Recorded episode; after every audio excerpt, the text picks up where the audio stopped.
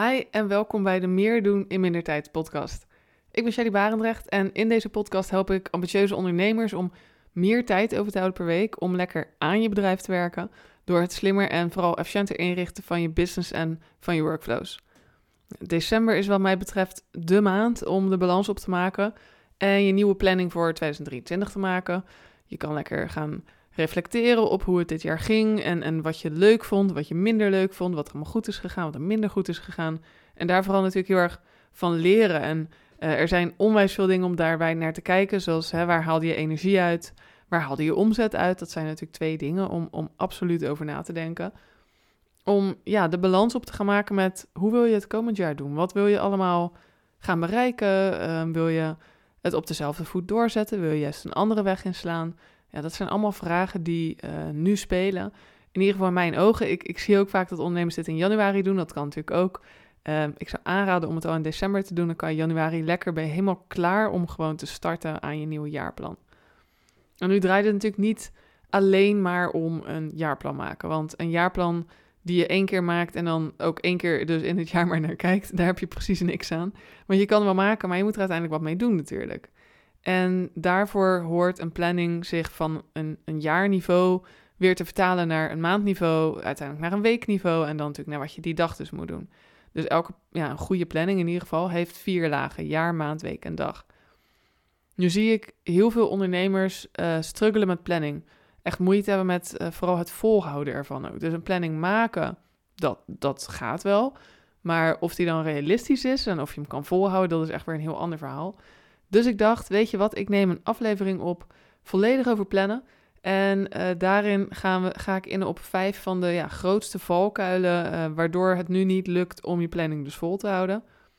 Uh, want ik, ik kan je nu wel gaan vertellen hoe je het wel moet doen, maar het is belangrijk om altijd eerst te zien, ja, waarom lukt die nu niet, zeg maar. Waar zitten de, de valkuilen vooral, waardoor het nu niet lukt? Want een planning maken doe je misschien wel al eens, maar ja, een volgen is vooral het issue. Dus ik ga je meenemen in de vijf grootste valkuilen. En natuurlijk deel ik ook overal wat tips bij hoe je dat kan oplossen. Hoe je niet in die valkuil trapt. Hoe je die oorzaak van je planningsissue, hoe je dat oplost. Dus daar gaan we helemaal uh, doorheen in deze aflevering. Duiken we lekker in uh, valkuil of, of reden, hoe je het wil noemen. Nummer 1. En dat is dat je een rete strakke planning maakt waar nog geen spel tussen zou passen. Waardoor je dus superveel op die dag plant. Uh, je hele dag helemaal volgeplemd staat met to-do's en uh, dan ook nog in tijdvakken. En dan gebeurt het hoor, ja, je klant belt ineens, waardoor dat tijdvak al niet haalbaar is. Of je kind wordt ziek en moet opgehaald worden op de opvang. Er zijn brandjes om te blussen, je website knalt eruit. Uh, er komt een mailtje binnen waarvan je denkt, oeh, daar moet ik echt meteen even iets mee. En voor je het weet, krijg je weer je to-do-lijst niet af. Mogelijk heb je er veel te veel op gezet, sowieso al mee te beginnen. Dat zie ik sowieso al heel erg vaak.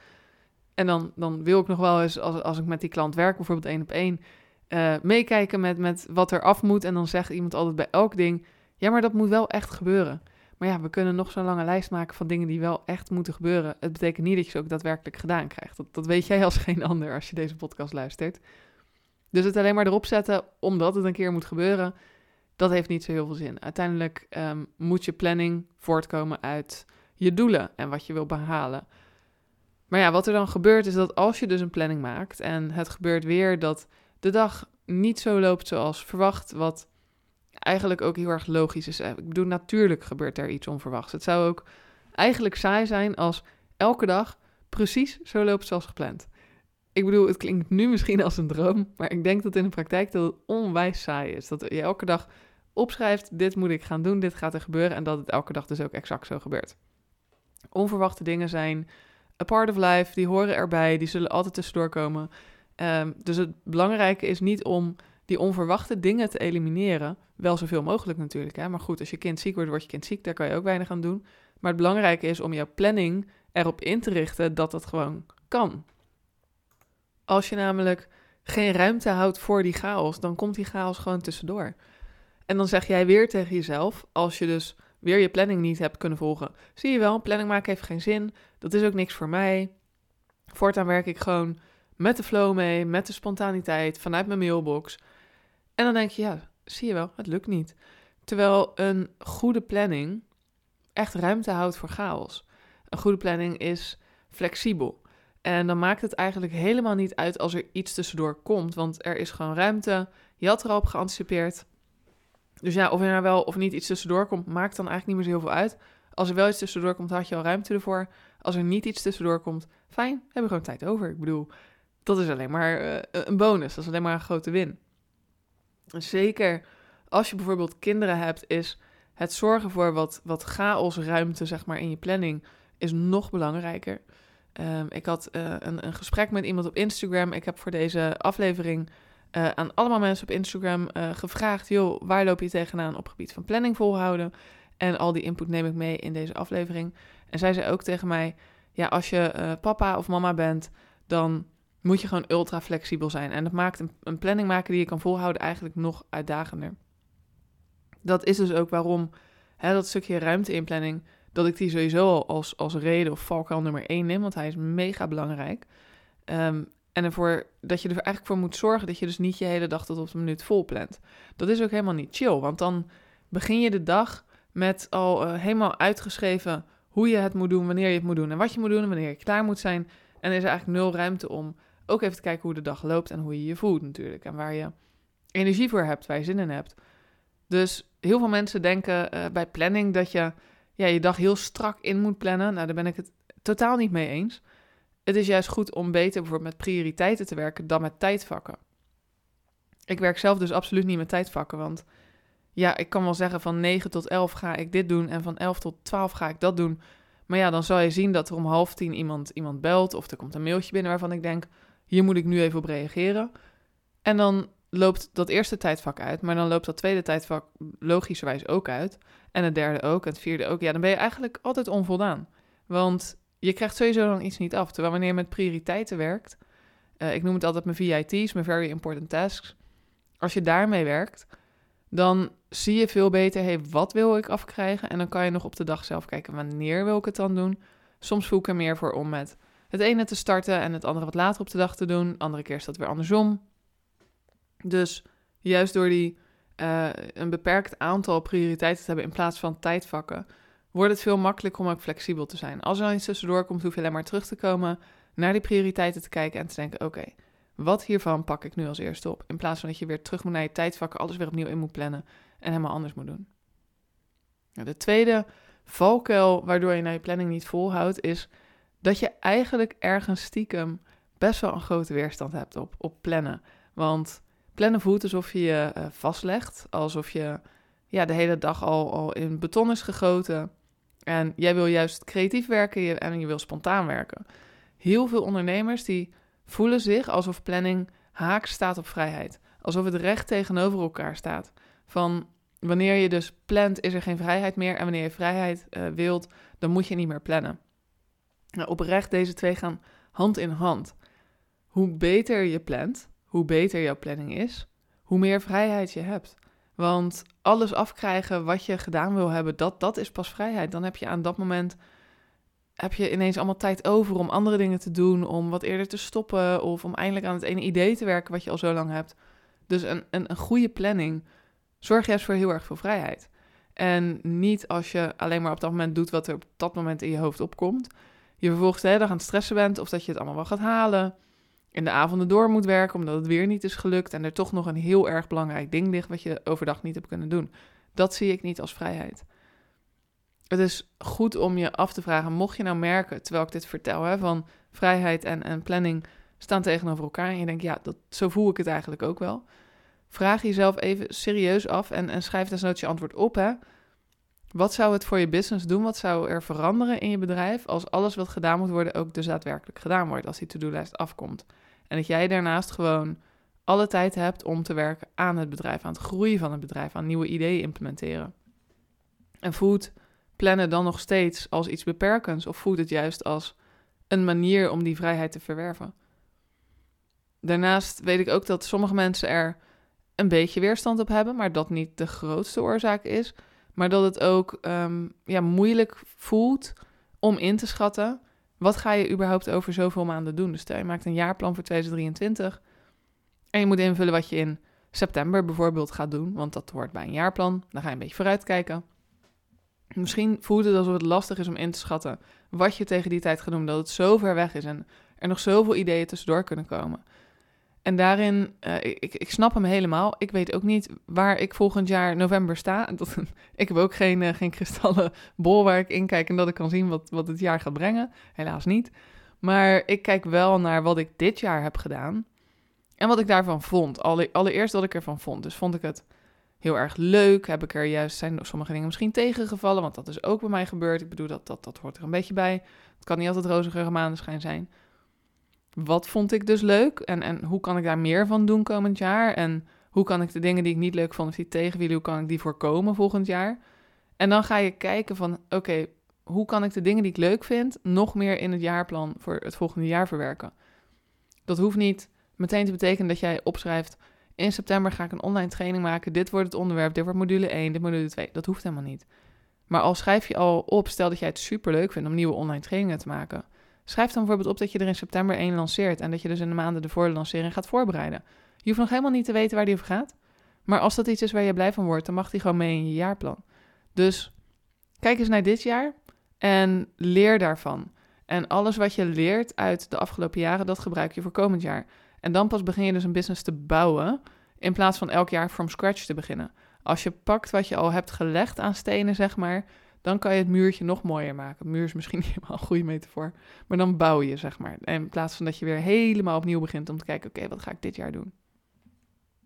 Valkuil nummer drie is dat je geen overzicht hebt in wat er moet gebeuren. En daardoor loopt alles door elkaar. Dus um, je weet dat er daar nog iets moet gedaan worden en daar nog iets. En dan komt dit tussendoor en dan komt er nog een mailtje van een klant en nog een belletje. Alles komt de hele tijd tussendoor. En wanneer we overzicht missen, wanneer we dus ja, eigenlijk een beetje in de overwhelm-modus raken van alles wat er moet gebeuren, uh, dan gaat je planning mis. Dat, dat kan ik je 100% garanderen. Wanneer het overzicht mist, um, ja, werkt je planning niet meer. En dit komt bijna altijd door het feit dat je geen maandplanning hebt. Dit is echt in 90% van de gevallen de oorzaak waarom het niet lukt om wekelijks de planning vol te houden die je elke week maakt. Ik zie het bij, bij bijna elke klant die ik heb, dat wanneer ze zeggen: Ik vind het heel erg lastig om aan mijn weekplanning te houden, en dan gaan we kijken naar of er een maandplanning is, die is er eigenlijk nooit.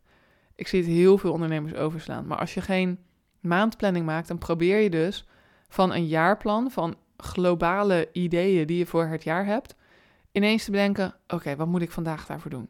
En dat werkt niet, is een veel te grote stap. Wat ik al eerder zei, je hebt eigenlijk vier niveaus in planning: jaar, maand, week en dag. En wanneer je van jaar naar dag of van jaar naar week probeert te springen, dat gaat niet werken. Er komt namelijk uh, gedurende de week ook allerlei nieuwe dingen weer omhoog. Uh, dingen die je moet onthouden, van oh, dat moet ook nog gebeuren. Uh, niet per se nu, maar wel, nou ja, wel ergens deze maand misschien, of volgende maand, maar moet ergens opgeschreven worden. Nou, bewaar je het vaak allemaal in je hoofd, of op to-do-lijstjes, of notities, nieuwe to-do-lijstjes, tools, apps, post-its heb ik zelfs vaak voorbij horen komen. Of je appt het naar jezelf. Allemaal dat soort dingen. En dat deed ik allemaal vroeger ook. Ik had altijd een to-do-lijstje. Waar ik gewoon allemaal nieuwe ideeën zet ik gewoon ja, aan de onderkant van to-do-lijstje. En dacht ik, nou, dan ga ik het ooit wel een keer doen als het goed is. Maar wat er dan gebeurde is, dan kwam ik op een gegeven moment aan het einde van de bladzijde. En dan begon ik op de volgende bladzijde opnieuw met alles wat ik nog niet had afgestreept. En zo verhuisden er dingen maandenlang mee naar het volgende blaadje eigenlijk. En dan na een paar maanden dacht ik, oh ja, het is eigenlijk niet meer zo heel erg relevant nu. Die kan er wel weer eens af. Ja, en dat is natuurlijk heel frustrerend, want je zet allemaal dingen ergens op, je doet ze vervolgens niet. Dat voelt als falen, als, als dingen niet afkrijgen, als dingen niet lukken. Terwijl het dus helemaal niet hoeft. Want als je een maandplanning hebt, dan zorg je ervoor dat je een heel goed overzicht hebt van wat je die maand wil doen. En wat er allemaal bij komt, zonder dat je ruis gaat veroorzaken in alles wat je in een week moet doen.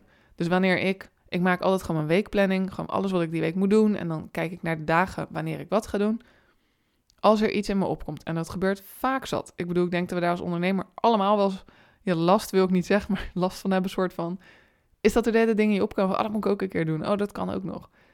Dan kijk ik, oké, ik zet hem even op mijn maandplanning, ga kijken of ik hem deze maand wil doen. Als ik al merk, nou, ik ga het sowieso niet deze maand doen, maar dat is echt een heel leuk idee voor volgend jaar.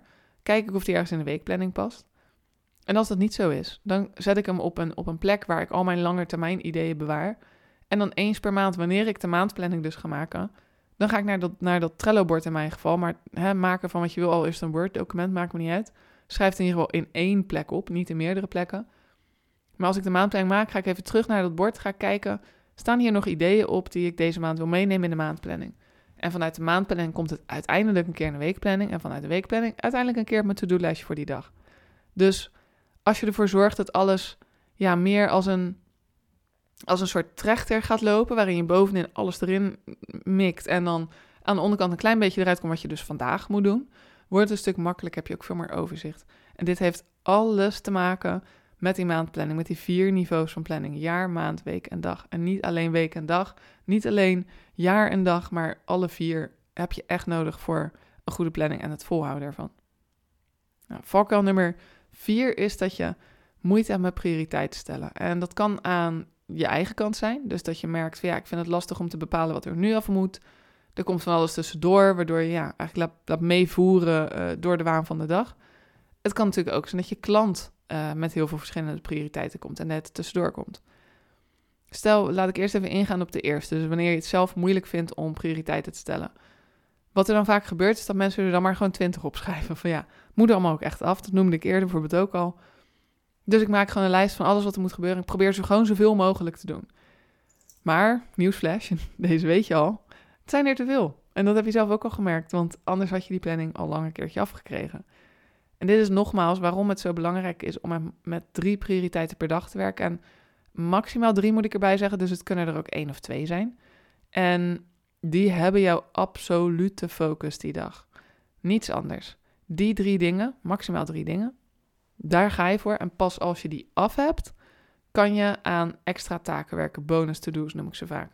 En weet je wat super chill is? Drie to-do's kan iedereen doen op een dag. Dus je hebt bijna altijd tijd voor je bonus to-do's. En wat voelt nou beter dan het allerbelangrijkste al af hebben en tijd over hebben voor extra taken? Dat voelt veel beter dan een lijstje van 20 hebben en er 15 kunnen doen. Ik, ja, verdomme, ik heb er maar vijf of ik heb er vijf niet kunnen doen.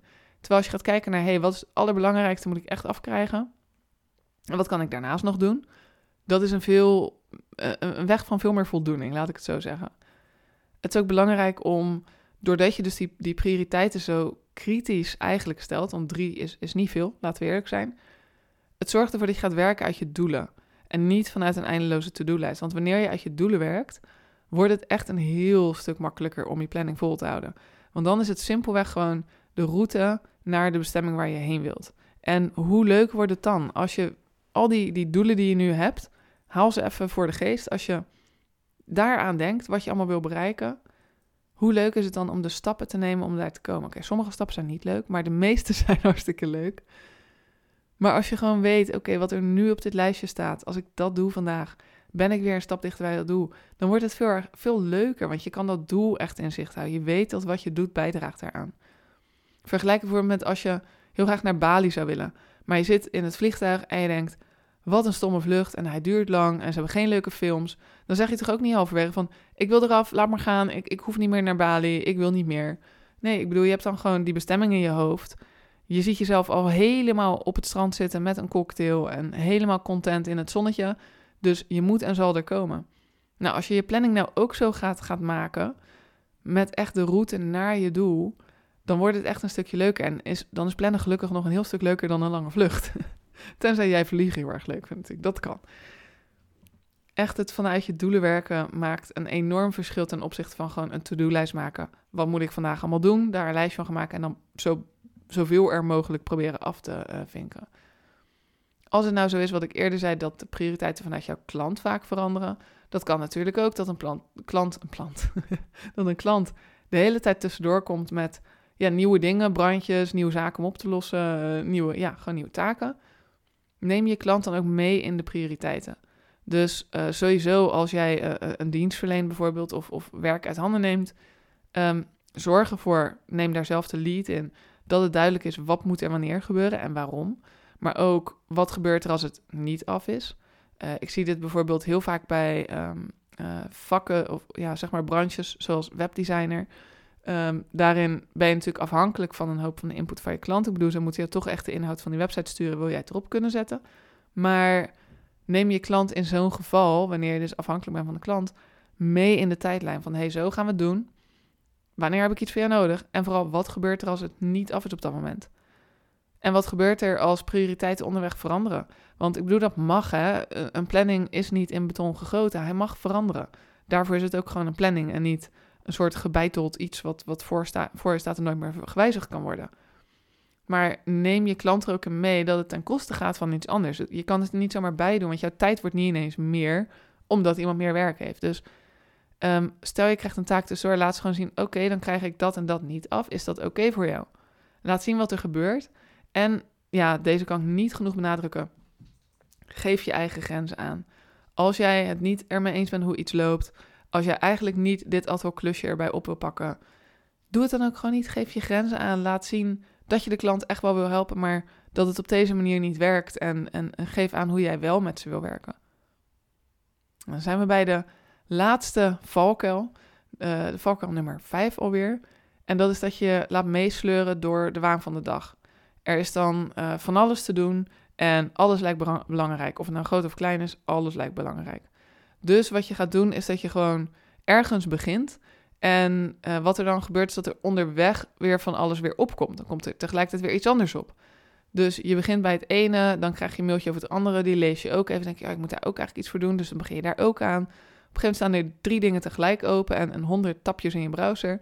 Voel je all over the place en komt er bijna niets af. Maar is er, als je uiteindelijk de laptop dichtklapt die dag, alleen maar werk bijgekomen en denk je, hoe is het mogelijk dat die to-do-lijst nu langer is dan toen ik startte vandaag? Ik bedoel, had korter moeten zijn, toch? Ik noemde het natuurlijk al eerder, maar ik kom er gewoon nog een keer op terug. Die drie prioriteiten per dag zijn echt essentieel. Daardoor kan je nog zo vaak afgeleid raken. Je kan nog zo vaak dingen tussendoor laten komen. Je gaat altijd terug naar die drie belangrijkste dingen voor de dag. En daardoor word je ook kritischer als er iets tussendoor komt. Want je ziet direct van die drie, waar gaat het van ten koste? Als ik dit nu ga doen in plaats van dat, wat laat ik dan liggen? En dat is echt een stuk makkelijker wanneer je maar een paar prioriteiten hebt in plaats van wanneer je een soort eindeloze to-do-lijst hebt. Want dan probeer je gewoon van alles en nog wat uh, tussendoor te doen. En door dus ook beter te gaan kijken naar wat moet er echt gebeuren, wat heeft echt mijn focus nodig, is het veel makkelijker om uh, prioriteit te stellen, maar ook om overzicht te houden. Om niet je te laten meevoeren ja, door die waan van de dag, die chaos, al die onverwachte dingen die tussendoor komen. Ik ben natuurlijk super benieuwd of dat je uh, één of meerdere van, van deze valkuilen herkent. Het is super leuk als je dat even laat weten, bijvoorbeeld via Instagram of via LinkedIn. Ik zal mijn linkjes naar mijn social kanalen even in de omschrijving zetten. Maar als je um, één of meerdere van deze valkuilen herkent, dan heb ik ook iets voor je wat heel erg kan helpen. Ik doe namelijk op het moment, uh, ik neem deze podcast op op 19 december. En tot en met 23 december heb ik een kortingsactie op mijn plannen als een pro-training. En dat doe ik in combinatie met een actie voor het Rode Kruis. Daar zal ik zo eventjes wat meer over vertellen.